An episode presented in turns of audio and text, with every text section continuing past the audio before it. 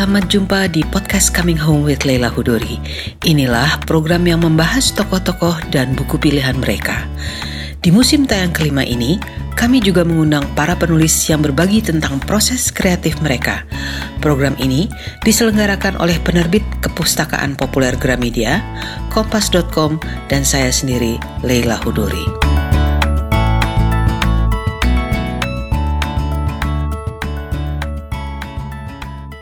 Pelacur, menipu kebula, mengandung anak haram, ingin jadi nyai besar, kenapa semua kesalahan justru dilemparkan padaku? Bukan gara-gara aku pernikahan itu digagalkan. Dan kemarahan dua pihak calon besan bergulung-gulung membentuk kabut permusuhan. Nasib pernikahanku seperti asap tungku kehabisan kayu bakar. Mengapung lalu hilang di teran angin. Kegagalan yang harus dilupakan dan aku diminta diam, meski telah menjadi tumbal atas nama adat dan kehormatan.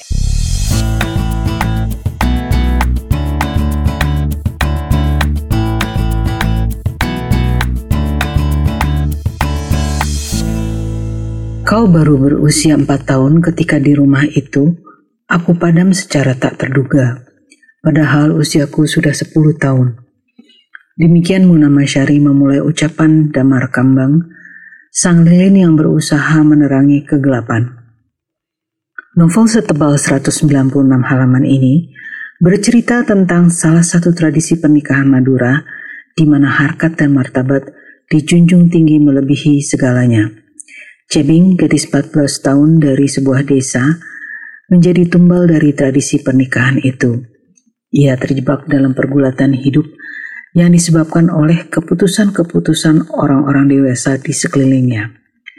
Nasib Cebing kemudian menjadi korban tarik-menarik berbagai kekuatan magis yang saling bertarung dan berbenturan. Kali ini program podcast Coming Home with Leila Hudori mengundang pemimpin redaksi jurnal perempuan Atnika Sigiro untuk membahas posisi perempuan dan posisi anak di dalam novel ini dan juga di dalam kehidupan nyata di Indonesia. Selamat mendengarkan perbincangan kami.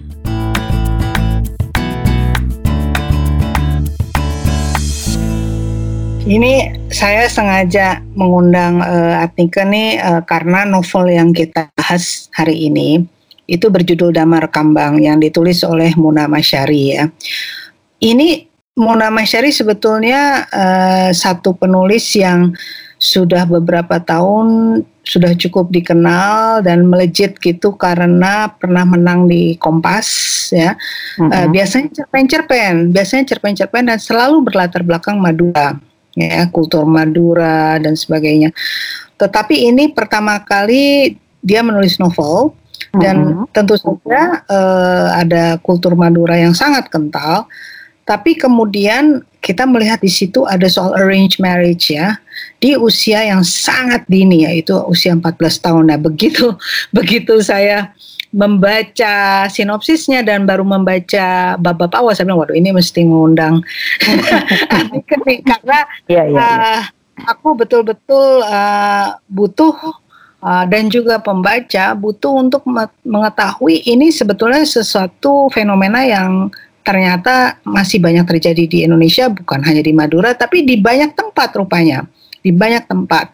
Nah, saya ingin tanya jauh sebelum kita masuk ke dalam novel ini uh, secara dalam, yeah. gimana waktu pertama kali membaca ini? What do you think?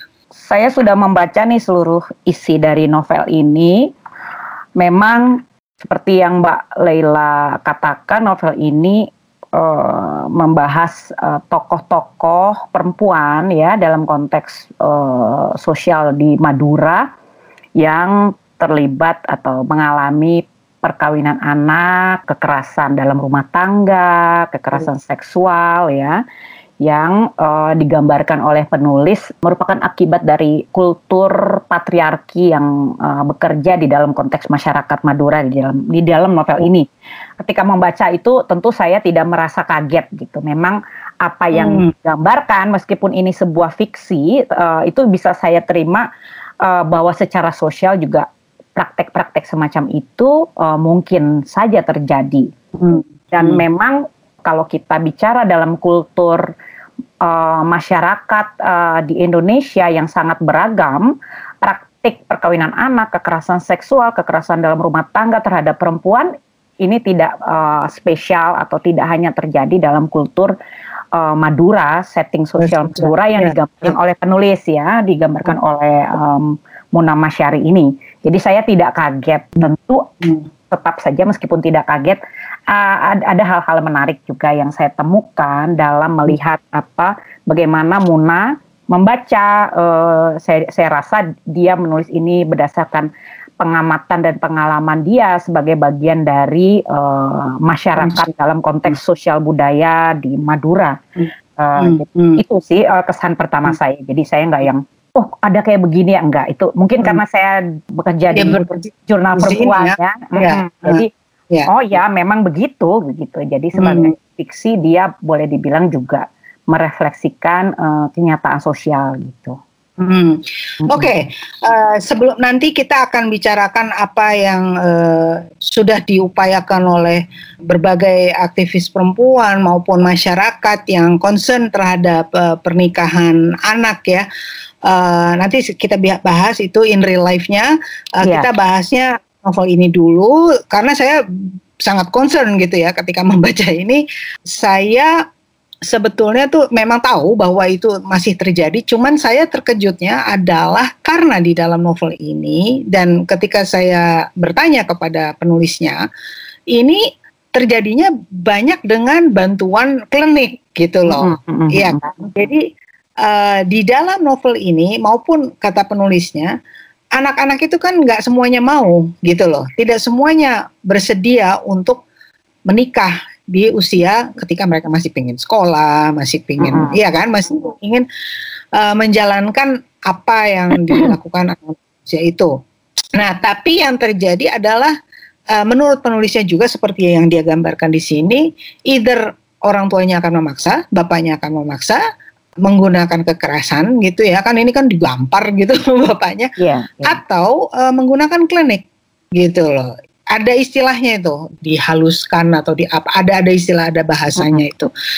Nah di dalam yang saya kaget setiap kali penaklukan terhadap perempuan, apakah itu perempuan yang masih anak-anak atau sudah dewasa, itu sering sekali melibatkan klinik, sering sekali melibatkan istilah mereka angin kiriman gitu, ya. Yeah. Itu yang yang nah The problem is untuk saya karena saya ini orangnya realistik sekali, saya orang yang super super rasional. Saya kan nggak begitu percaya sebetulnya dengan dengan klinik. Tapi di dalam membaca ini saya benar-benar uh, mencoba Oke, okay, mari kita singkirkan dulu soal rasio. Mari kita percaya aja di jagat ini gitu.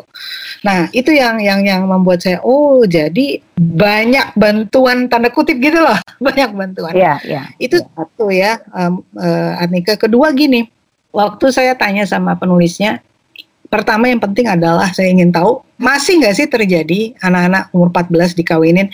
Dia bilang sebagian udah enggak, sebagian masih. Hmm. Nah, tetapi di bagian yang sudah enggak itu pun masih ngawinin anak usia 16-17. Jadi hmm. pokoknya SMA lah gitu ya, SMA. Tapi di beberapa bagian di beberapa desa masih usia 14. Nah, karena ada mereka menyadari adanya undang-undang perkawinan ya kalau nggak salah perkawinan 16 tahun ya, artinya ya. 16 nah, atau 17? Oke, okay. jadi udah eh, berubah, Mbak. Sudah oh, berubah. berubah. Sejak tahun 2019, undang-undang uh. perkawinan kita yang dulu adalah undang-undang perkawinan nomor 1 tahun 1974 ya. Itu uh. sudah direvisi oleh DPR. Jadi berapa tuh? Uh, sehingga kemudian batas minimal usia perkawinan antara baik anak laki-laki maupun perempuan. sorry, baik perempuan maupun laki-laki itu sama yaitu 19 tahun. Oh, nah, memang, bagus. Ya, sejak 2019. Memang hmm. sebelum revisi undang-undang ini atau amandemen, batas usia perkawinan untuk perempuan dan laki-laki itu dibedakan. Iya. Yeah. waktu tahun 74 itu uh, batasnya kalau laki-laki itu 19 tahun, perempuan 16 tahun. Hmm, Jadi memang itu ya. uh, ada ada diskriminasi di situ. Nah, yeah. um, terus di undang-undang anak-anak beda lagi tuh. Iya, kalau iya kan? anak uh, yang disebut anak itu sampai 18 tahun. Iya. Ya, jadi memang uh. sampai saat ini masih ada apa ketidaksinkronan antara apa per, peraturan perundang-undangan terkait perlindungan anak dengan undang-undang perkawinan. Hmm. Uh, tapi memang undang-undang perkawinannya sudah bergerak menuju penghapusan batas usia minimal yang 16 tahun itu sudah dihapus tapi okay. praktiknya bukan berarti sudah hilang. Iya, iya, iya. Cuman minimal ini sudah ke situ ya. Iya. Nah, waktu itu kan saya tahunya tuh masih yang 17 itu. Nah, menurut si Muna ini ketika saya tanya, mereka menyadari yang soal batas 17 itu, ya kan?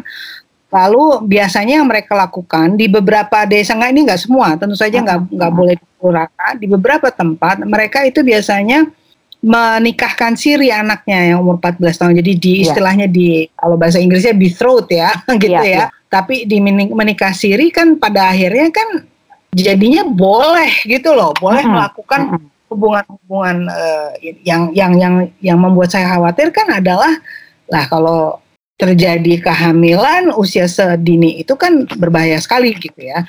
Iya karena kan masih belum boleh sebetulnya ininya apa rahimnya dan sebagainya. Saya selalu khawatir kan kematian kematian kan kebanyakan karena itu gitu. Nah ya. biasanya itu it sounds like penyiasatan for me gitu ya. Menyiasatinya dengan kawin siri dulu, terus nanti ketika usianya sudah mencapai sekian yang dianggap resmi, kemudian mereka baru dikawinkan secara resmi gitu katanya nih menurut Muna nih.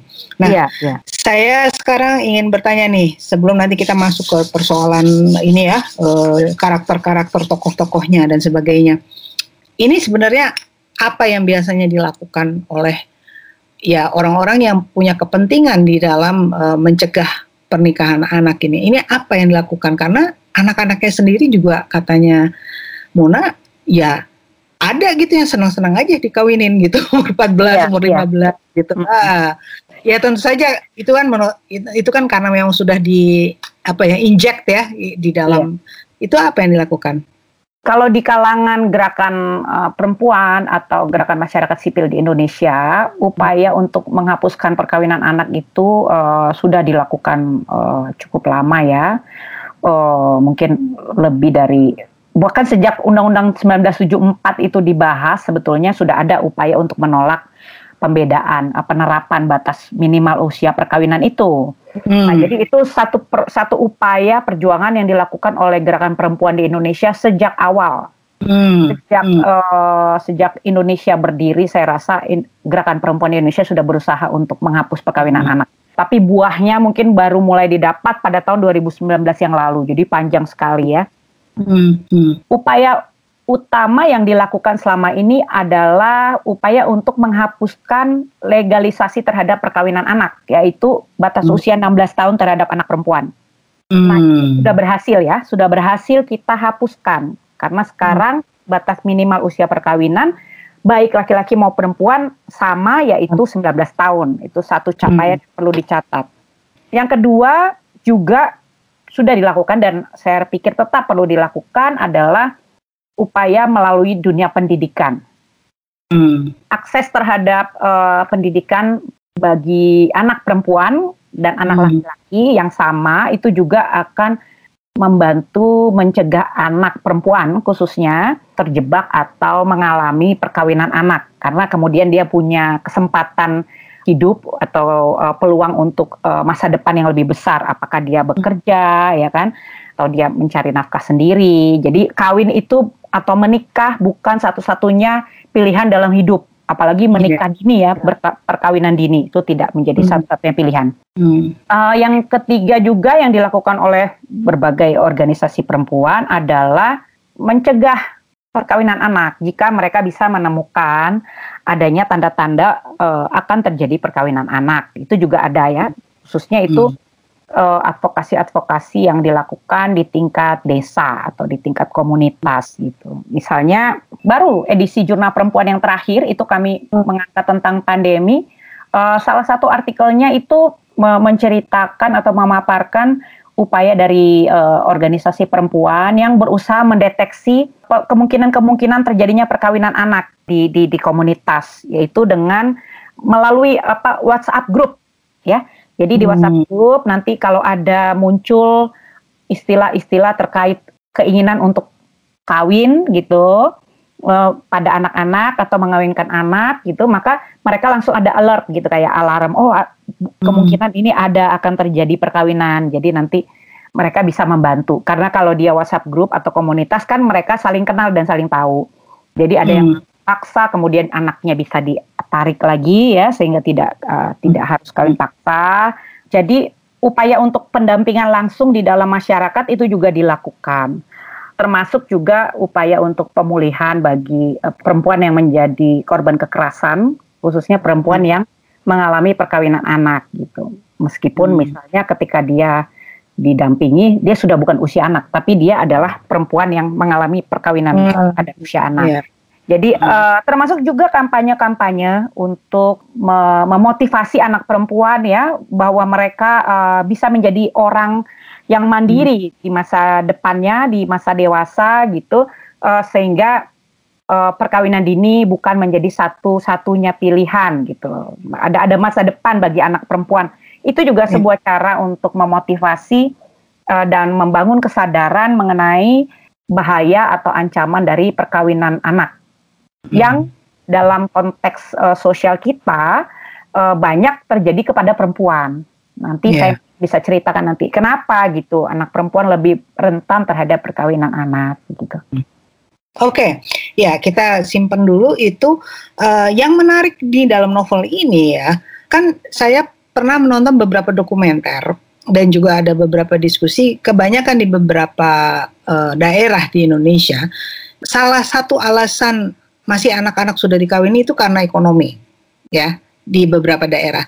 Tapi di novel ini dan juga tadi saya tanya sama penulisnya itu tidak necessarily tidak karena ekonomi tapi lebih karena harga diri gitu ya. Jadi it's it's about harga diri gitu ya kalau misalnya anaknya terlalu tua dalam tanda kutip ya anak perempuannya itu tua atau kayak perawan tua yang belum kawin itu memalukan gitu ya uh, jadi as early as possible itu harus dikawinkan gitu itu satu ya yang yang yang menurut saya ini agak beda nih sama kultur lain yang saya ketahui gitu ya. Saya nonton beberapa dokumenter dan bahkan ada film cerita juga kemarin ini saya nonton tentang uh, satu culture yang juga memaksakan anaknya kawin karena ekonomi ya. Nah, hal yang kedua ini juga soal hantaran di dalam ini ya, hmm. di dalam novel ini yang kemudian menjadi the main issue berangkatnya cerita tuh kan karena soal hantaran. Hantarannya itu persembahan dari hmm. pihak lelaki yang isinya tuh harus banyak besar dan it's it's about the isi rumah lah kira-kira yeah. gitu ya. Yeah. Yeah. Dan kalau tidak tidak tidak sebanyak itu itu akan uh, memalukan akan akan mencutik rasa harga diri dari si perempuan. Kira-kira seperti itu. Nah, komentar Atnika gimana nih soal ini? Betul Mbak Lela, memang novel ini uh, menjelaskan faktor penyebab perkawinan anak yang menurut saya agak berbeda dibandingkan dengan uh, gejala umum yang banyak ditemukan dalam penelitian-penelitian mengenai faktor-faktor penyebab perkawinan anak. Hmm. Uh, di Jurnal Perempuan pada tahun 2016 kami mengangkat satu edisi khusus mengenai pernikahan anak. Ya, hmm. di situ ada uh, salah satu riset kami mengenai perkawinan anak uh, di daerah uh, Sukabumi. Hmm. Itu faktor penyebabnya itu bukan yang seperti di novel ini, tapi hmm. uh, misalnya uh, kemiskinan ya. Yang paling banyak adalah kemiskinan. Iya, itu uh, yang Ya, yang kedua tingkat pendidikan juga ya. Jadi memang tidak ada awareness, tidak memiliki pengetahuan. Baru yang ketiga uh, kekhawatiran akan terjadinya zina. Iya, itu hmm. juga. Iya. Ya. Nah, ketiga gejala ini menurut saya uh, tidak muncul di dalam novel ini, tapi juga bukan berarti ya menurut saya apa uh, apa yang digambarkan di dalam novel ini juga tidak terjadi. Hmm, hmm, Terus hmm. justru novel ini mengangkat kenyataan yang mungkin ada di dalam masyarakat mengenai hmm. kesadaran bahwa perkawinan anak itu bukan suatu masalah. Iya. Ya, dia iya. adalah uh, satu praktek yang diterima di dalam masyarakat.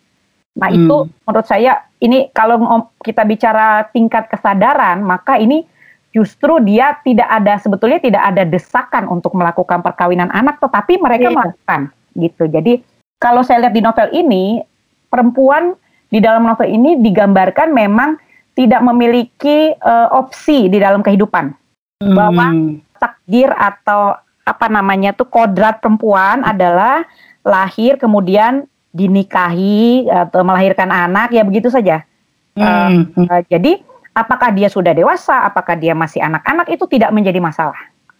Hmm. Ketika dia seorang perempuan maka track hidupnya tuh sudah sudah ada gitu. Maka yeah. dilihatkan di sini tokoh-tokohnya yang perempuan itu tidak membayangkan kesempatan lain mengenai hidup perempuan.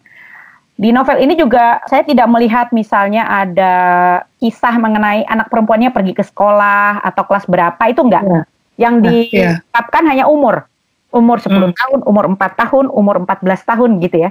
Jadi oh, betul, uh, novel betul. ini tidak bicara apakah cebing itu sekolah atau tidak. Gitu. Apa gitu kan? Artinya sikap dia terhadap pendidikan formal ya. gimana? Ya. Saya ya. juga curious tentang itu gitu. Apakah dia mungkin anak pinter atau males di kelas ya. atau gimana gitu? Saya ya. ingin tahu sebetulnya itu. Seperti Absen itu. Ada, seperti tidak ada aspirasi mengenai pendidikan ya uh, bahwa perempuan itu punya aspirasi tentang pendidikan, punya aspirasi yeah. tentang karir gitu. Yang iya. digambarkan yeah. memiliki karir di dalam buku ini tuh laki-laki. Laki-laki. Ya, karir sebagai uh, kiai, karir sebagai pedagang tembakau, karir sebagai perusahaan pengusaha genting, ya kan? Hmm. Itu itu karir tuh di. Gambarannya cuma jadi istri. Iya. Yeah. Apakah istri tua, istri muda, istri kedua, satu-satunya hmm. istri, tapi hanya digambarkan sama begitu perempuan itu begitu. Ya, ya, ya, ya, ya. Dan saya juga wondering gitu, memang uh, waktu saya baca itu, itu apakah si Cebing ini masa ya paling enggak kan dia pernah sekolah SD paling enggak gitu kan atau paling mestinya sih kalau udah 14 ya udah men, udah SMP juga gitu itu yeah, sekali yeah. itu enggak digambarkan itu itu itu uh, saya juga merasa ya sayang aja gitu. Ada ya. missing konteks ya. Uh, nah, missing oh, konteks. Gitu. Karena biarnya ini kan di, udah di masa modern yeah. ininya, yeah. settingnya ya. Dan kalau kita ini nih, uh, saya mau spoiler alert kepada pendengar. Jadi kalau seandainya tidak bersedia untuk mengetahui apa endingnya, ya silakan berhenti. Endingnya saya juga kecewa sebetulnya. Eh, nggak uh, tahu saya mungkin karena kepingin uh, apa tokohnya itu mengalami satu perubahan atau uh, satu pandangan baru gitu bahwa oh mungkin aku nggak perlu kawin gitu. Komentar Atnika gimana itu dengan endingnya ini? Dengan setelah melalui semua ya. drama-drama ini. Hmm. Ya, novel ini sebetulnya kalau saya lihat ingin menggambarkan bahwa antara Cebing dan Kacong itu ada kisah cinta sebetulnya yang kemudian kandas karena kultur harga diri itu ya di dalam iya. masyarakat ya. itu. Uh, memang perasaan cinta di antara mereka berdua itu menurut saya kurang tereksplorasi. Uh, okay. Kalau saya menggambarkan itu seharusnya kalau kita bicara cinta romantik ya, antara Kacang ya. dan Cebing, hmm. seharusnya di dalam diri Kacang tuh ada juga semacam dilema gitu ketika dia melakukan apa pembalasan dendam ya. atau yeah. Uh, mengguna-gunai cebing seharusnya ada dilema-dilema itu tapi itu nggak muncul padahal terakhirnya dia jadi superhero-nya kan yang menolong si Cebing. Ya, gitu. dia menolong. Nah, itu agak kurang-kurang sebetulnya kalau memang ya. ada ada kisah cinta romantik di antara mereka berdua. Hmm. Ya, tapi saya bisa uh, men, apa bisa paham kalau kenapa kemudian penulis memilih untuk menutup novel ini dengan penutup bahwa Cebing menemukan cintanya bersama Kacong terlepas segala kekacauan yang terjadi hmm. ya. Kalau kita membayangkan dari sudut pandang kita ya uh, sebagai pembaca dengan uh, kesadaran kesadaran mengenai hak anak, hmm. kesadaran mengenai uh, ketimpangan gender yang dialami oleh perempuan, uh, maka ending semacam itu tuh semacam ini mungkin akan uh, terasa uh, apa ya istilahnya Gak ada break kebahagiaan gitu. semu gitu loh ya kebahagiaan yeah. semu gitu. Iya. Yeah. Hmm, tapi jadi nggak nggak nggak ada breakthrough. Maksudnya dia udah mengeluarkan semua penderitaan itu, terus uh, saya menyangkanya bahwa there's going to be a breakthrough dari si cewek ini gitu. Saya mau tanya lagi nih ini nih sa satu bagian yang kita boleh ya ngomongin uh, sedikit dari sisi cerita uh, gaya dia bercerita. Muna ini bercerita dari so many point of views, ya kan? Di awalnya ada point of view si lilinnya sendiri, si damar kembangnya ngomong gitu, ya. Lalu ada point of view si Cebing. Lalu ada point of view ibu calon mertuanya Cebing atau uh-huh. ibunya Kakong, uh-huh. ya kan? Lalu ada point of view istri kedua si Bula. Jadi uh-huh. there's so many point of views yang yeah. membuat saya bolak-balik saya saya WA WA sama editornya. Ini siapa sih yang ngomong? Ini siapa sih? gitu. Nah, bagi saya kalau misalnya sampai pembacanya harus nanya gitu terus ya, uh, baru di tengah deh saya udah mulai mengenali sedikit-sedikit dan harus saya catat. Oh, ini kayaknya nih si Cebing deh. Oh, yeah. ini kayak ini ya. Tapi di awalnya uh, I was a little bit lost. Uh, saya nggak saya nggak tahu kalau Atika gimana. Uh, mungkin lebih cepet ya nangkepnya. Saya waktu itu agak lama nangkepnya saya kurang bisa membedakan suara-suara orang-orang yang bicara karena yeah. saya rasa bahasa mereka mirip gitu. Nah, artinya gimana? Karena kayaknya you read it so fast gitu loh. Ya, saya kan ketika membaca ini saya sudah dapat sedikit uh, spoiler dari oh, Mbak yeah. Leila ya uh, bahwa ada uh, different point of view. Jadi saya yeah. sudah waspada gitu ketika mulai membaca. Saya mulai saya langsung menaruh perhatian pada setiap kutipan di awal bab itu ya. Itu kan itunya uh, si narator dari bab itu. Uh, ya memang dari segi bahasa tidak ada pembedaan uh, antara satu orang dengan yang lain. Betul. Uh, yang menunjukkan misalnya karakter umur kah karakter kan gitu ya. Jadi memang betul-betul harus perhatian ini yang ngomong siapa? Apakah Cebing, hmm. apa e, ibu mertuanya, apa si istri e, kebula itu ya. E, memang agak kelihatan sama. Jadi karena saya diberitahu Mbak Lela, saya kemudian perhatian ini siapa hmm. ya? Ini siapa yang ngomong gitu? Yeah, semakin yeah, yeah. memang semakin kelihatan uh, bahwa antara tokoh-tokoh perempuan yang di dalam cerita ini ada saling keterkaitan. Mereka yeah. kisah yang terpisah, semuanya mengalami kekerasan. Betul. Uh, dalam rumah tangga, kekerasan seksual, uh, kekerasan ekonomi juga ya, bermotif ekonomi. Yeah. Tapi mereka kemudian uh, kehidupannya saling apa uh, intertwist gitu ya, kayak terhubung gitu. Betul. Nah, uh, jadi upaya untuk membuat narator setiap bab yang berbeda menurut saya cukup menarik. Ya memang uh, untuk membuat gaya bahasa yang berbeda dari setiap narator itu itu sangat menurut saya tingkat kesulitannya cukup tinggi ya. ya. Dan kalau dalam novel ini kan sulit ya untuk di hmm. digambarkan gitu bagaimana aksen uh, karakter suara. Hmm. berbeda kalau kita melihat itu dalam film misalnya itu bisa dibuat yeah, gitu. Nah, yeah, ini betul-betul yeah. penulis harus uh, punya uh, kecakapan uh, lebih untuk bisa membuat aksen. Uh, hmm. juga misalnya aksen kalau, atau atau perbedaan diksi. Kan yeah. setiap orang tuh di konsepnya beda-beda ya, ya, iya ya, kan. Ya. Termasuk itu nah, ada uh, satu orang uh, konsep ada yang satu orang mm -mm, ada satu orang mungkin yang senang menggunakan kata tertentu atau ya. ada satu orang yang mungkin seluruh bah uh, mungkin bisa di bisa disiasati dengan dia banyak menggunakan istilah-istilah uh, dalam bahasa Madura misalnya. Mm -hmm. Sementara kalau Jackie mungkin karena dia masih anak-anak bahasanya akan lebih anak muda mungkin ya saya nggak tahu ya, tapi ya uh, there there is di dalam novel there is a, there is a siasat seharusnya gitu. Karena para sastrawan-sastrawan dunia itu kan mereka udah melakukan itu so many times ya kayak Orhan Pamuk dan sebagainya mereka kan dari beberapa beberapa dan si Orhan Pamuk bahkan ada tetesan darah ya, dari point of view tetesan darah.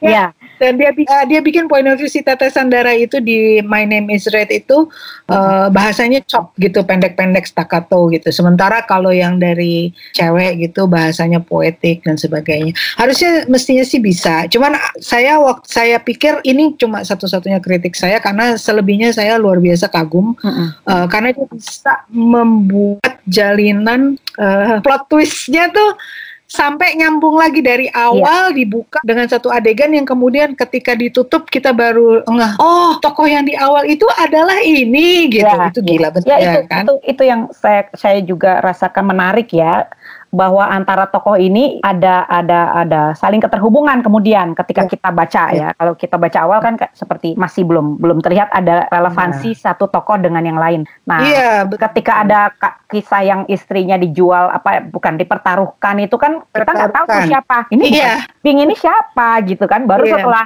ke belakang oh itu dia oh, gitu. Itu. Baru kita ingat lagi diingatkan kembali. Astaga. Terus kita saya buka lagi di situ kemudian kemudian ada lagi ternyata tokoh apa laki-laki tua yang memakai peci wool, Iya. ya kan top Iya. wool gitu. Baru Ah. oh, kita baru ohnya tuh yang panjang Iya, banget karena ya aku juga dia pas baca itu baru oh ya ya ini si si Marintan Marintan itu ya Iya, gitu. iya. Jadi dia benar-benar menutupnya dengan satu kejutan yang luar biasa. Hmm. Jadi saya, ya udahlah kalau bahasanya itu saya nggak nggak mau terlalu dwell on that. Cuman itu satu-satunya kritik saya, eh dua kritik saya itu dan ya ini endingnya endingnya tidak tidak ada breakthrough gitu dari dari tokoh utamanya. Nah, eh, ini tadi kan ngomongin soal istri yang ada ada tokoh istri yang dipertaruhkan. Agak-agak mengingatkan pada eh, Drupadi ya di dalam eh, apa Mahabharata di mana seorang mereka bertaruh. Kalau di dalam novel ini bertaruhnya karapan sapi. Kemudian eh, taruhannya adalah rumah dengan isinya dan dia anggap ya istrinya tuh ya isinya juga gitu ya.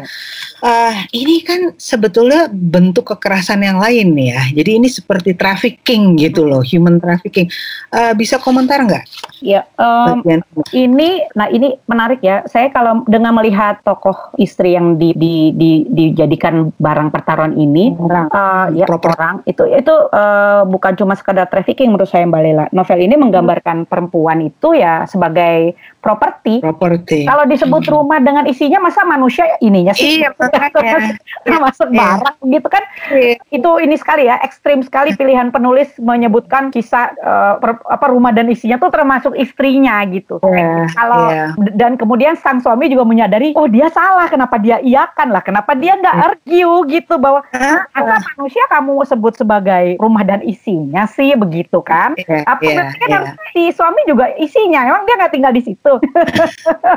Jadi eh, sebagai laki-laki yang kalau digambarkan dia punya ilmu dukun juga ya, punya ilmu klinik, Hmm. kurang argue dia gitu. Memang ada ada konteks Tapi kan si Bula ini, si Bula ini kan kuat. Iya. Kliniknya kuat, gambarkan dia luar biasa kuat. Jadi Ah, iya. kayak lebih tinggi gitu daripada si suami ini yang di ending dia ternyata jadi orang jahat juga akhirnya. Aduh. Ya, eh, nah eh, si- di sini saya agak berbeda dengan Mbak, Mbak Laila ya. Eh, Hmm. Ki- Ki- Kabula itu, Kabula Hmm. Kebula sih namanya?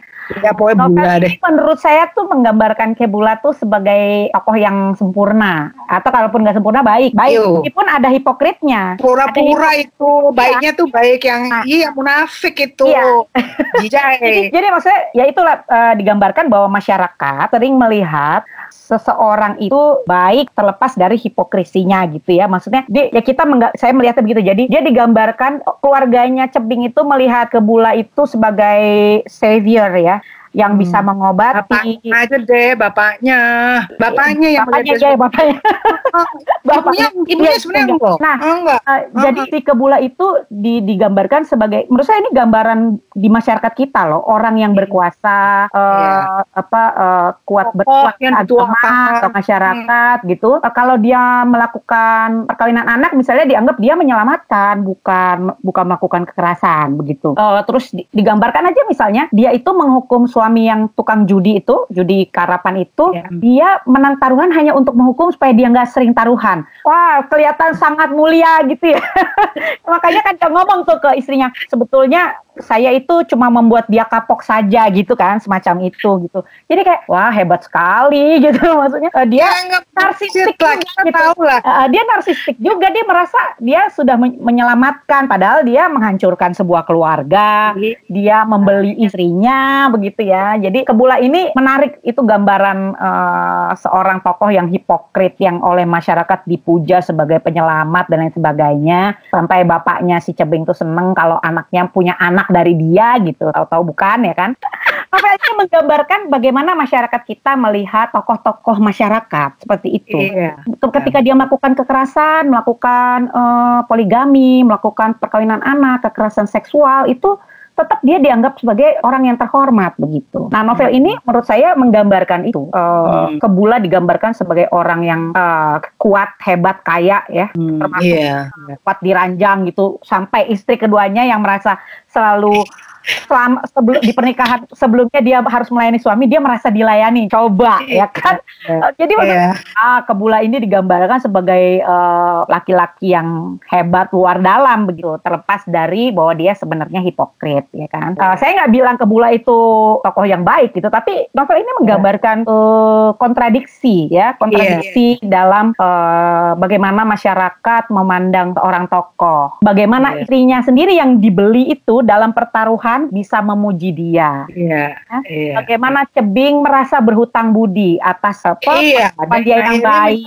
Menyerah. Hmm. Dia dia akhirnya menyerahnya karena dia merasa ah ya dia dulu berbuat baik sama saya padahal dan dan dan, dan simpel sekali dia hanya karena merasa pernah mengacak-ngacak me, apa mem, uh, bikin berantakan kosmetik kosmetik, ya. uh, kosmetik dari istrinya Bula sehingga uh, dan Bula itu membela dia gitu jadi dia berutang budi gitu jadi nah bagian itu sih saya udah mulai melihat bahwa oh ada nih cara berpikir yang berbeda gitu hmm. yang membedakan Jabim dari tokoh-tokoh lainnya ya. namun bahwa itu bisa istri keduanya itu bisa betul-betul berbalik kemudian malah ya. cemburu sekali sama ya. Cebing ya. ya itu juga sebetulnya kan semua dengan dengan klinik gitu loh. Segalanya ya. itu diatasi dengan klinik. Bagaimana para perempuan-perempuan itu bisa tunduk melakukan apa aja yang diinginkan oleh uh, lelaki, apakah itu lakinya calon suaminya dan sebagainya.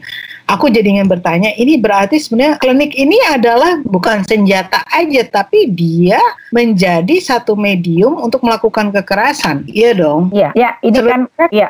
di, di otak kita yang di urban modern gitu ya, memakai uh, hukum dasar gitu. Apa yang terjadi oleh Cebing yang terjadi pada Cebing itu adalah sebuah perkosaan dong. Iya. Iya, ya, kan? kalau kita gitu. pakai hukum normatif iya. Uh, tapi kalau kita bicara bagaimana masyarakat menerima praktik-praktik semacam itu uh, itu adalah kenyataan sosial. Nah, itulah persoalan perkawinan anak yang uh, terjadi di Indonesia. Hukumnya sudah bilang tidak boleh usia di hmm. uh, di bawah 19 untuk uh, dinikahkan, tetapi praktiknya masih bisa terjadi.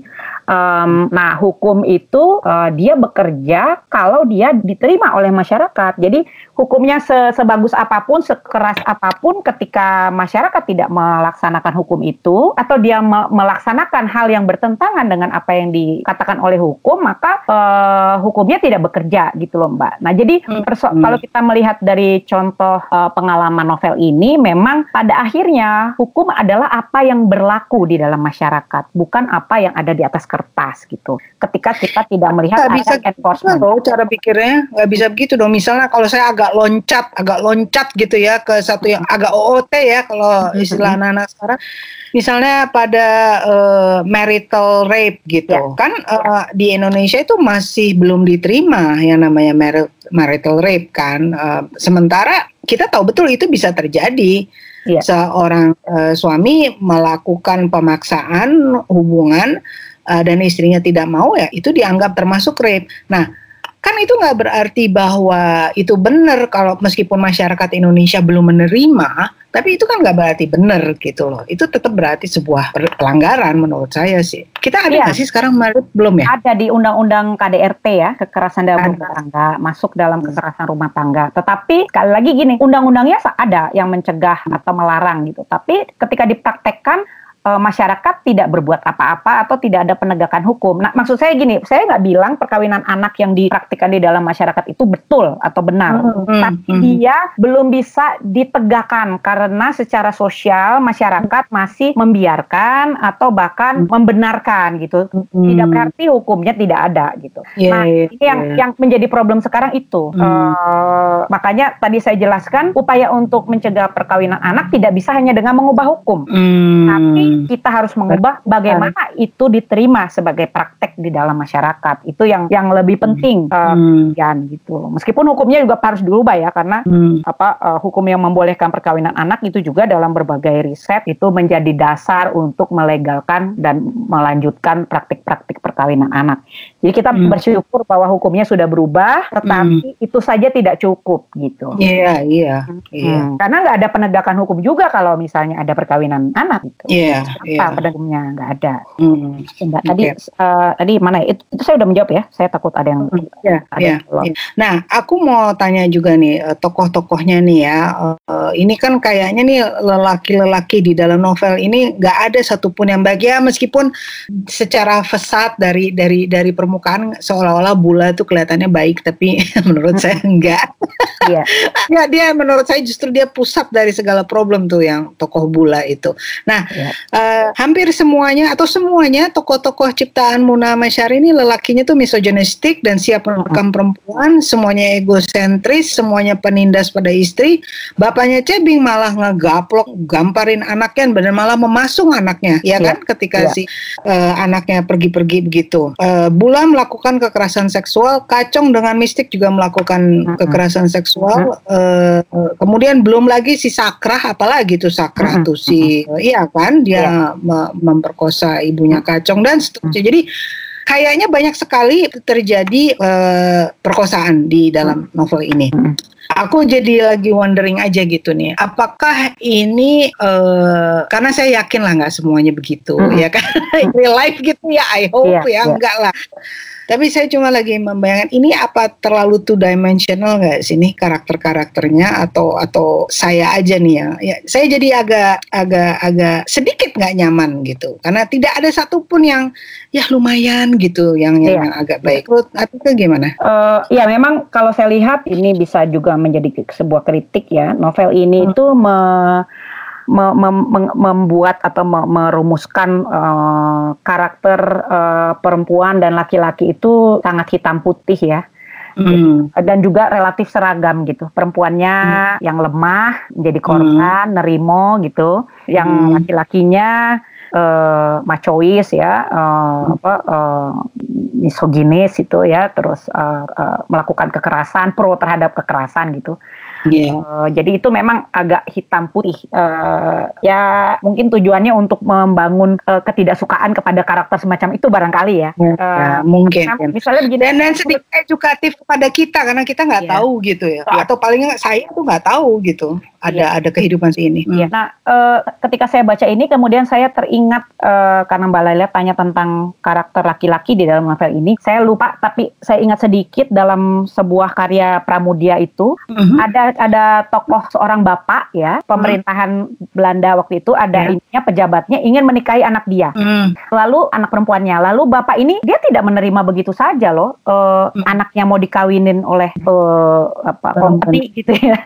Mm. tokoh company itu. Lalu kemudian bapak ini pergi uh, menyepi, dia kayak mencari wangsit, kayak mm. mencari wangsit karena dia nggak terima anaknya ingin dikawinin entah saya lupa apa karena dia nggak terima karena dikawinin sama orang Belanda atau karena memang dia tidak ingin anak perempuannya dikawini gitu ya. Uh, dia pergi lalu kemudian uh, dapat wangsit atau apa gitu. Pada akhirnya dia harus menikahkan anak perempuannya bukan karena dia kepingin, tapi ada satu kondisi yang memaksa. Mm. Nah, jadi uh, apalagi bapaknya ceping di pantai ya ini. Bukan, bukan. Ini bukan dari pantai. Itu kayaknya di tetralogi. Saya lupa yang bagian mana gitu. Kayaknya ada satu kisahnya. Nanti kita cek lagi ya Mbak. Ada satu kisah itu yang kemudian perempuan ini untuk membalas uh, si orang Belanda yang ingin menikahi dia, dia pergi ke desa yang ada penyakit cacar. Hmm. Lalu dia hmm. pergi ke situ, oh, satu sebuah dusun yang kena wabah, dia pergi ke situ, baru dia dikawinkan. Sehingga kemudian orang company-nya itu terkena cacar dan terkena. nah gitu yeah. cara dia membalas. Jadi yeah. nah, ini beda ya karakter tokohnya yeah. dengan sini.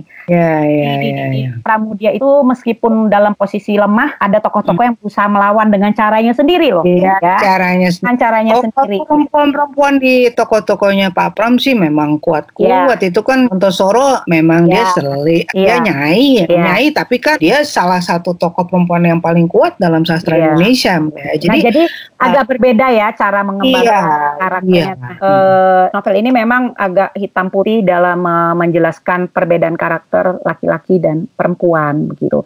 Memang si Cebing ini memiliki potensi-potensi resistensi ya. Betul. Dia marah tuh sebenarnya ketika disalahin terus. Yeah. Gagal disalahin, dikawinin sama kebula disalahin, hamil disalahin gitu kan dia protes tuh. Uh, hmm. memang uh, seharusnya penulis bisa mengembangkan karakter Cebing lebih progresif sedikit di bagian ya, ending. Ya novelnya sendiri menurut saya tidak tidak tidak cukup feminis untuk membangun karakter perlawanan ya.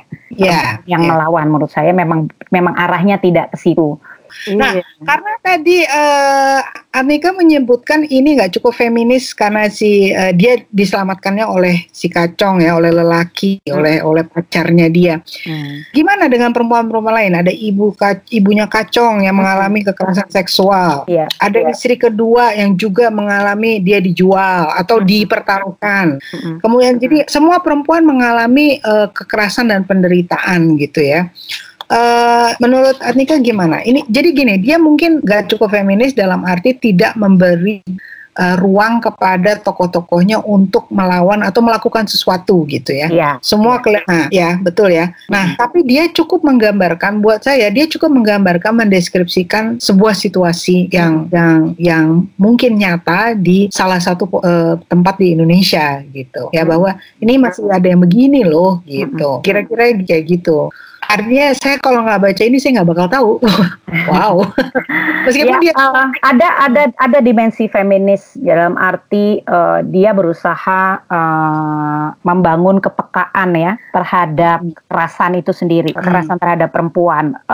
Tokoh-tokoh uh, perempuan di dalam novel ini sebetulnya memiliki shared feelings tentang penindasan terhadap perempuan. Oh, yeah, Perasaan yeah. senasib itu ada dia, feelingnya ada kan ibunya, hmm. mertuanya melihat tebing tuh kasihan, Cebing hmm. melihat ibunya Cebing melihat Cebing kasihan. Yeah. Uh, apa terus juga digambarkan istri tuanya ke Bula juga kalau suaminya kawin lagi tuh dia sakit gitu. Jadi iya iya. Sikap-sikap anti poligami, uh, anti kekerasan terhadap perempuan ya, uh, kekerasan terhadap apa anti terhadap kekerasan terhadap anak itu ada di da di dalam tokoh-tokoh perempuan ini. Tetapi hmm. tidak cukup mendapatkan tempat untuk apa ber, ber, bertumbuh menjadi satu resistensi gitu. Hmm. Dia hanya jadi perasaan tertindas aja aja. Ada yeah, lah. Oh, yeah. Kesadaran ada penindasan tuh ada tetapi tidak berubah menjadi satu. Tidak ada ya, tidak ada follow up dari yeah. perasaan itu. Hmm, Ya itu kayak baru nah. jadi baru pada level menyadari adanya penindasan. Tapi terus bagaimana? Misalnya solidaritas antara perempuan di situ tidak terjadi tuh. Apa solidaritas yang dalam bentuk tindakan ya. Jadi yeah. hanya hanya narasi-narasi gitu kan tapi nggak jadi komplotan lah misalnya. Tidak ada tidak ada apa konspirasi antara perempuan-perempuan itu gitu. Misalnya yeah, yeah. harusnya kan istri kedua kebula berkonspirasi dengan cebing yeah. siapa mertuanya apa ibunya si kacong berkonspirasi dengan cebing. Nggak ada gitu. Semuanya sendiri. Kita maunya gitu. Gitu Iya, iya. Uh, Oke, aku uh, mendapat kesan dari novel ini dan uh, ada beberapa kawan juga yang mengatakan, oh kalau di ini juga ada, di pulau ini juga ada, yeah. di you know di berbagai uh, uh, uh, ethnic group uh, mempunyai cerita-cerita um, semacam ini ya. Nah, hmm. saya lagi wondering uh, bagaimana uh, tadi kan udah cerita ya bagaimana aktivis uh, gerakan perempuan mencoba melakukan sesuatu hmm. dengan udah menggolkan undang-undang, tapi it doesn't work kalau uh, masyarakatnya tetap aja menjalankan uh, apa yang mereka sebut sebagai adat istiadat. Mm-hmm. Nah, ini karena ada kata adat istiadat, sementara kita selalu sering mengatakan bahwa kita harus uh, menjaga adat istiadat karena mm-hmm. kita adalah bangsa yang kaya mm-hmm. dengan kebudayaan gitu. Ini kan jadinya seolah-olah kayaknya kita sedang ingin memorak-porandakan adat istiadat orang gitu. Yeah. Seolah-olah iya dong di mata yeah. di mata bagian orang. Itu gimana caranya? Karena gini, itu benar undang-undang udah udah dilakukan, sekarang hmm. sudah ada. Nah, tetapi kalau mereka berbenteng dengan adat istiadat itu, mata nggak bisa. Ini tradisi kita. Kita harus itu. Itu gimana? Uh, memang kalau masalah tradisi, apalagi kalau tradisi tradisinya sudah disebut sebagai adat istiadat itu kan seperti sudah menjadi hukum tersendiri ya. Iya. Dalam satu komunitas masyarakat tertentu. Uh, di sinilah upaya untuk menghapus perkawinan anak itu tidak bisa hanya dengan mengubah hukum, tidak bisa hanya dengan penegakan hukum. Hmm. Ya, yang lebih penting yang harus dibangun adalah pembangunan kesadaran baru mengenai hak anak, kesadaran hmm. baru mengenai penghargaan terhadap perempuan. Hmm. Nggak bisa kita kalau kita uh, misalnya gini ada satu adat istiadat ya uh, yang uh, banyak kan misalnya ada kawin paksa, kawin hmm. tangkap apa begitu ya ada ya. Yang ya, kemarin sempat ya, ya. ada itunya sempat ada petisi tuh untuk menghapus kawin paksa apa kawin tangkap itu kan? Iya, yeah, iya. Yeah. Di, di, di, di, di change itu. Nah, memang untuk mengubah kalau kita bicara perkawinan anak dalam konteks adat istiadat itu bukan satu persoalan yang mudah, Mbak. Nggak bisa hmm. cuma dengan mengatakan hukumnya ngebilang nggak boleh loh gitu. Hmm. Uh, adat ini nggak benar harus diubah gitu. Itu nggak bisa. Pasti akan ada resistensi dari eh, orang-orang uh, atau masyarakat yang menjunjung adat tersebut. Tuh. Hmm. Maka uh, kemudian cara untuk mengubahnya bukan dengan mengatakan oh adatmu salah kita harus hapus dan ganti. Tentu ada upaya hukum juga penjelasan pendidikan hukum, ya kan? Pendidikan hukum itu kan nggak ada di masyarakat kita, Mbak. Ada iya. undang-undang perkawinan baru diubah, masyarakat belum tentu tahu. Mm, gitu. mm. Dan juga masyarakat belum tentu tahu kenapa sih undang-undang itu diubah. Gitu. Yeah, ya kan? Yeah. Apalagi kalau sudah menyangkut masalah adat. Yang kedua, e, memang persoalan pendidikan itu juga menjadi kunci yang utama atau penting dalam upaya membangun kesadaran baru mengenai perlindungan hak anak dalam konteks hak anak perempuan uh, dan juga pemahaman mengenai kesetaraan gender. Itu juga PR-nya luar biasa. Masih hmm. jauh Mbak kita bicara kesetaraan gender ya uh, hmm. dengan matan kurikulum kita sekarang itu masih masih yeah. Iya. uh, jauh. Jadi hmm. betul seperti yang Mbak Lela katakan, di satu sisi kita sering mendengar diskursus atau istilah melestarikan budaya. Betul. Di sisi lain kita tahu pelestarian budaya itu nggak berarti kemudian menerima begitu saja praktik-praktik budaya yang uh, merendahkan perempuan, mengancam anak perempuan, ya kan? Uh, yang tidak adil gender gitu. Nah, pada akhirnya nanti jadi kekerasan. Iya gitu. Hmm. Nah itu itu PR kebangsaan mbak. Kalau kita bicara karena kita kita juga bangsa yang suka menggunakan jargon apa melestarikan kebudayaan bahwa kebudayaan yeah. luhur apa gitu ya. Nah itu hmm. jadi memang harus ada uh, kecerdasan tersendiri untuk menerjemahkan bagaimana caranya kemudian kita menyikapi uh, praktik budaya yang tidak adil gender, praktik budaya yang uh, apa melanggar hak asasi gitu. Itu itu PR ya. Nah, uh, salah satunya tentu dengan uh, yang pernah saya baca gitu di dalam yang pernah juga diterbitkan oleh Jurnal Perempuan adalah mendorong interpretasi yang progresif terhadap adat istiadat. Hmm. Jadi interpretasi adatnya juga perlu dibangun. Nah, ya, interpretasi adat, interpretasi agama itu caranya di situ yang cara uh, soft approach-nya ya.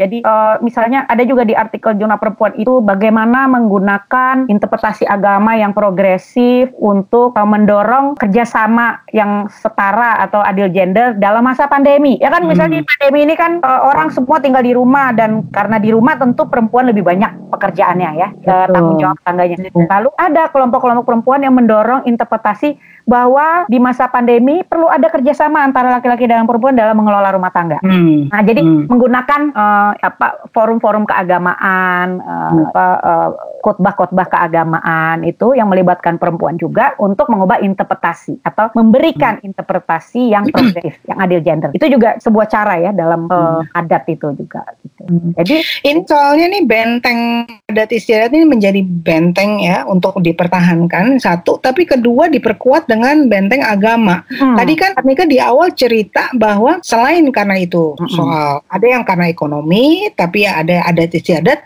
tapi juga soal mereka takut anak muda ini berzina.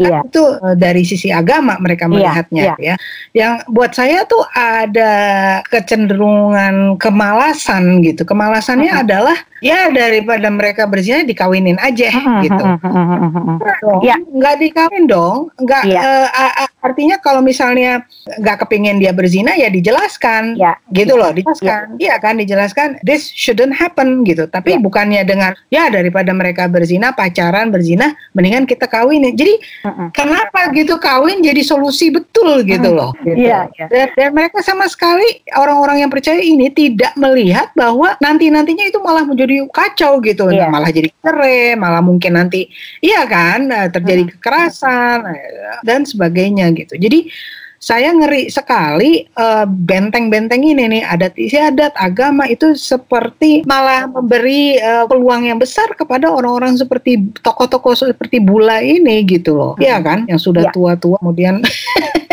ya, itu diberi kan, itu pandangan bahwa gini, salah satu faktor yang mempengaruhi perkawinan anak kan uh, yang ditemukan memang di dalam uh, berbagai riset adalah ketakutan uh, terhadap jina ya, uh, bahwa anak yang sudah tumbuh dewasa badannya gitu kan. Hmm. Uh, dia tuh biologisnya uh, dewasa, sudah menstruasi atau sudah apa uh, uh, uh, mandi basah gitu untuk laki-laki gitu misalnya, hmm. maka kemudian daripada mereka zina dikawinkan. Uh, hmm. Ini kan satu ini merupakan uh, sikap yang ageist ya, yang memandang anak tuh tidak memiliki kemampuan untuk uh, iya, iya. Uh, jadi itu, gitu. itu cara pandang orang dewasa yang melihat bahwa anak itu ada ada teorinya itu mbak yang saya saya pernah uh, baca juga jadi orang dewasa cenderung melihat anak sebagai uh, lemah gitu, orang hmm. yang lemah, yang tidak bisa membuat keputusan dan dapat mengancam uh, moral publik tindakan dia. Hmm. Jadi uh, misalnya begini, ketakutan akan zina dilakukan oleh anak itu kan me mengasumsikan yang berzina hanya anak-anak, hmm. ya. Padahal iya. orang dewasa itu juga bisa melakukan iya. zina. Iya. Iya. Uh, jadi uh, itu solusi ketika anak dikawinkan karena takut zina itu kan solusi yang belum tentu menjawab uh, persoalannya. Yeah. Misalnya kita melihat apakah anak memang sudah tadi seperti yang Mbak Leila mendapatkan penjelasan. Yang kedua, apakah anak uh, anak-anak kita itu juga mendapatkan ruang aspirasi yang cukup sehingga mereka punya pilihan lain selain kawin. Betul. Ya kan? Sekolah, pendidikan, berkesenian, berolahraga, prestasi-prestasi yang lain. Itu ada banyak yang belum digali dan itu juga PR ya selain yang kurikulum yeah. tadi yang aduh gimana ya caranya biar anak punya penyaluran. Dari zaman dulu ya, dari zaman kita dulu masih anak-anak mungkin udah bilang anak harus menyalurkan kreativitas. Bagaimana menyalurkan kreativitasnya? Kalau tidak ada fasilitas pendidikan, tidak ada buku, ya kan? Buku anak itu bagaimana kondisinya? Coba, biar Mbak Mbak Leila sebagai penulis, wartawan hmm. tuh tahu kualitas buku anak Indonesia. Yeah. Yang di perkotaan yang punya akses terhadap buku dia bisa beli buku yang impor atau terjemahan hmm. impor ya kan atau sekarang ada online ada on ebook gitu masih bisa gitu tapi yang di, di di daerah tertinggal yang ekonomi lemah buku bukan menjadi sebuah konsumsi dalam keseharian. Itu kalau mau olahraga di mana olahraganya mereka? Mau olahraga di mana? Lapangan yang mana? Alatnya apa gitu. Mau berkesenian ya e, berapa banyak forum-forum seni yang dimiliki oleh anak dan remaja sehingga mereka punya pikiran lain gitu misalnya kalau katakan yang mau disalahin karena kawin anak itu anaknya gitu yang mau gitu ya. tapi kan persoalan perkawinan anak kalau kita lihat itu adalah persoalan relasi kuasa karena praktik perkawinan anak biasanya terjadi antara anak perempuan dengan pria atau laki-laki dewasa bukan dua anak misalnya kayak cebing sama kacong dua yeah. yang seumuran jatuh cinta banget yeah. kawin yeah. gitu ya kan nggak begitu persoalan yeah. perkawinan anak yang umum justru terjadi karena dia ada dimensi relasi kuasa di mana laki-lakinya sudah dewasa perempuannya anak atau iya. perempuannya tidak punya kemampuan ekonomi, lelakinya lebih punya ekonomi, iya. kemampuan ekonomi gitu. Jadi relasinya timpang seperti relasinya cebing dengan si kebula itu. Iya, iya, iya. Hmm.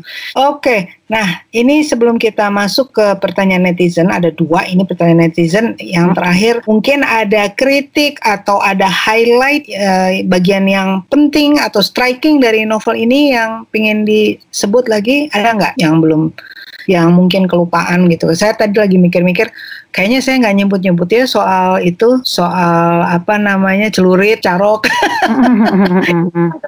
cukup cukup frequent ya disebut ya di dalam uh, novel ini ya. Apa ada jalan keluar violent yang yang um, menggunakan uh, celurit gitu ya. Hmm. ngeri juga tuh saya tuh bagian itu. Atau ada bagian-bagian lain yang striking yang atau ya, kritik mungkin? Hmm, apa ya? Ya kisah dari para perempuan dalam novel ini sebetulnya menarik sekali ya kalau dieksplorasi hmm. lebih jauh Iya. Kisah dari istri kedua Kebula itu kan luar biasa ya, istri iya. yang di, di, di, iya. diberikan untuk pertaruhan. Kisah iya. King sendiri itu sebuah yang luar biasa. Kisah yang luar biasa. Lalu kisah ibu dari Kacong itu juga kisah yang luar biasa. Ibunya Cebing tidak terlalu banyak dieksplorasi ya. Iya. Uh, yeah. Selain sebagai tokoh pemberi nasihat kepada Cebing gitu. Nah yeah. itu kisah-kisah mereka itu kalau dieksplorasi lebih itu akan menjadi bagus sekali untuk melihat yeah. Iya. uh, pengalaman dari tokoh-tokoh perempuan ini. Nah juga mm. kalau saya boleh memberikan kritik ya di dalam novel ini uh, kurang ada dilema-dilema di dalam tokoh-tokohnya gitu. Jadi kayak semua tuh udah pasti lah sikapnya akan hmm. begini gitu, nggak ada nggak ada dilema. Yeah. Terus si istri penjudi itu juga ya uh, dilema dia ketika dia itu kan digambarkan sebetulnya dia istri yang kuat ya suaminya tuh tukang judi tapi apa dia tetap berusaha tapi kemudian dia kecewa ketika dia dipertaruhkan gitu yeah, ibunya yeah. kacang juga bisa dieksplorasi lagi uh, bagaimana si iparnya itu ya kan uh, itu kan sebenarnya tidak punya anak ya makanya dia iya. kemudian yeah. perkosa yeah, ibu dari kacang hmm. gitu itu kan iya. persoalan-persoalan yeah. dilematis kenapa yeah. istrinya si uh, iparnya Sa Sabra itu kenapa istrinya dia itu tidak melakukan perlawanan suaminya memperkosa gitu kan? Enggak, dia ya Ibu Sum namanya kalau ya. nggak salah. Jadi kalau nah, ada itu. lebih banyak dilema-dilema di dalam tokohnya itu akan jadi sangat menarik gitu. Jadi oke. Okay, dia uh, perlihatkan dia nggak memperlihatkan uh, bukan hanya dilema aja yang absen, tapi dia dia tidak memperlihatkan proses memang. Ya. Jadi kayak si uh, Drupadi ini, saya selalu nyebutnya Drupadi si istri kedua yang menjadi istri kedua Bula akhirnya itu uh, ketika dia dipertaruhkan emang memang dia memperlihatkan keberatannya hmm. dia memperlihatkan keberatan bahwa kok gue jadi kok gue jadi ini barang iya. taruhan gitu iya, kan iya. emang diperlihatkan tapi abis itu kan selesai ke bab berikutnya hmm. terus tahu-tahu di uh, hampir di akhir kita ketemu lagi hmm. ketemu lagi dia menjadi istri kedua Nah, kita tidak melihat sebuah proses di mana dia yang tadinya sangat keberatan dan marah dan kecewa dan sakit hati bahwa dia menjadi barang taruhan, mm -hmm. kemudian tiba-tiba dia menjadi seorang istri kedua yang yeah. malah menikmati yeah. dan malah mengatakan malam-malam yang ganas dengan Iya kan, dia menciptakannya gitu. Jadi yeah. kita sebagai pembaca tidak melihat proses perubahan itu. Betul. Kita tidak melihat bagaimana orang yang tadinya merasa gue bukan barang kena kenapa gue dipanggil mm -hmm. menjadi orang yang justru menikmati gitu betul, loh. Betul. Jadi itu uh, uh, uh, uh, itu yang yang memang saya setuju ya, uh, bukan hanya dilema tapi the proses itu mm-hmm. semuanya hilang. Mungkin karena dia mau fokus sama cerita cebing, mungkin ya, mm-hmm. mungkin saya tapi uh, ya yeah, there are so many things yang uh, yang kita loh gitu ya. Tapi saya tetap memuji bahwa dia menjalinnya itu luar biasa sampai bikin kejutan dan kejutannya nggak hanya satu gitu. Saya pikir, uh yeah. kejutan lagi, kejutan lagi yeah. gitu. Yeah. Gila ini, ini uh, novel yang yang yang ya, saya terus terang nggak bisa tidur loh setelah baca ini setelah selesai karena iya karena saya pikir aduh ternyata di negara gue ini masih banyak yang hal-hal seperti ini. Halo, saya Lela Hudori, host dari podcast Coming Home with Lela Hudori. Saya ada rekomendasi dua buku puisi yang sangat menarik. Pertama, berjudul Adam, Hawa, dan Durian karya Gari Nugroho. Puisi-puisi dalam buku ini ditulis di tengah kesibukan Gari Nugroho sebagai sutradara film sejak tahun 1990. Kumpulan puisi ini menawarkan cara lain untuk melacak jejak pengalaman dan kegelisahan Garin yang dibingkai dalam tema cinta. Soft cover 136 halaman diterbitkan ke Pustakaan Populer Gramedia. Buku ini bisa diperoleh di toko-toko buku Gramedia dan Gramedia online. Buku kedua adalah kumpulan puisi Kita Pernah Saling Mencinta karya Felix K. Nesi. Tentu saja kita sudah mengenal karya Felix yang sebelumnya yang luar biasa berjudul Orang-orang Ultimo. Buku setebal 107 halaman ini memuat puluhan puisinya yang ditulis sejak tahun 2008 hingga 2019. Soft cover diterbitkan Gramedia Pustaka Utama. Buku ini bisa diperoleh di toko buku Gramedia dan gramedia.com atau toko-toko buku online. Kepada Anda yang tertarik mempromosikan produk Anda di podcast ini, hubungi Saudara Devi di 0816 947 070. Sekali lagi Saudara Devi 0816 947 070. Oke, okay. uh, eh, pertanyaan dari dua netizen. Yang pertama dari at Laksadewa 505, mm-hmm. apakah sistem pendidikan Indonesia berpengaruh terhadap pandangan terhadap patriarki? Iya, uh, saya rasa jelas ya, uh, sistem pendidikan itu uh, akan mempengaruhi uh, kesadaran umum kan. Uh, hmm. Di dalam pendidikan itulah nilai-nilai uh, mengenai apa yang baik apa yang buruk itu dibuat. Nah, hmm. e, persoalannya mungkin kalau kita katakan pendidikan Indonesia mengajarkan untuk melakukan diskriminasi gender itu terlalu ekstrim. Hmm. Tapi kalau kita katakan bahwa sistem pendidikan Indonesia abai terhadap kenyataan sosial di mana ada ketimpangan, itu dia bisa kita sebut begitu. Hmm. E, tidak ada pendidikan yang bilang oh, perempuan itu lebih rendah dari laki-laki, enggak kan enggak gitu cara yeah. mengatakannya. Tetapi pendidikan kita juga tidak pernah menjelaskan bahwa ada perkawinan anak hmm. gitu okay. bahwa yeah. ada anak-anak perempuan yang terpaksa harus dikawinkan karena hmm. apakah karena ekonomi apakah karena uh, adat budaya apakah karena yang lain-lain gitu itu nggak ada hmm. tuh hmm. uh, kita juga tidak punya uh, apa namanya pendidikan seksualitas yang memadai di dalam kurikulum kita iya. ya sehingga iya. anak-anak orang dewasa juga terus buta sendiri dulu saya ya, gitu nggak cari-cari sendiri ya jadi ini yang kemudian menyebabkan hasil dari output pendidikan kita itu tidak peka gender, tidak peka terhadap keadilan gender gitu. Maka uh, ya itu ketika terjadi perkawinan anak ya uh, masyarakat masih akan cenderung menerima ya sudahlah daripada miskin gitu kan daripada susah gitu kan perkawinan anak perempuan itu juga banyak terjadi karena keluarganya miskin. Sementara hmm. anak perempuannya mungkin tidak punya akses terhadap pekerjaan. Nah kalau dia terus di rumah, keluarganya harus memberi makan dia gitu ya. Hmm. Sehingga pilihan hmm. dikawinkan hmm. tuh sudah rezeki. Yeah. Kalau ada yang mau mengawini itu rezeki, artinya dia dinafkahi oleh suaminya. Jadi yeah. sistem pendidikan kita memang berpengaruh terhadap uh, praktek patriarki yang uh, dilanggengkan itu gitu. Oke, nah ini pertanyaan berikut dari Ed Lintang Pertiwi. Selain alur cerita, pada sisi mana budaya berpengaruh kuat di dalam novel ini? Oh, semua kali ya. novel ini memang uh, kekuatan, bukan kekuatan.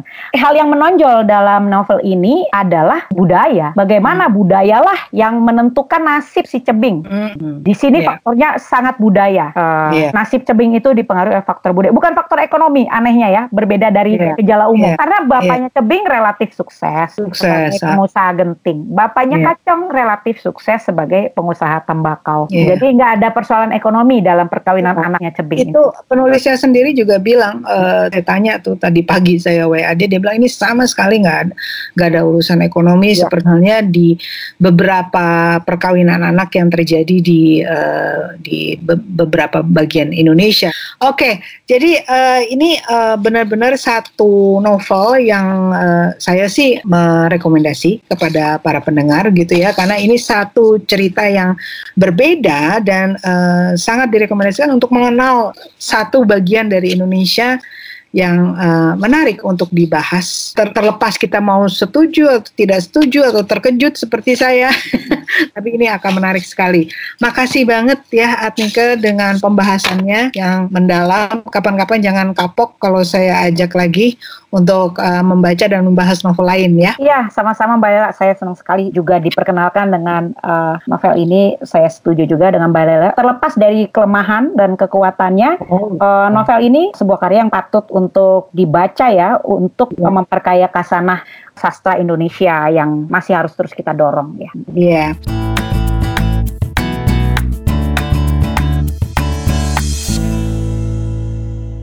Kau baru berusia empat tahun ketika di rumah itu, aku padam secara tak terduga. Padahal usiaku sudah sepuluh tahun. Sepuluh tahun.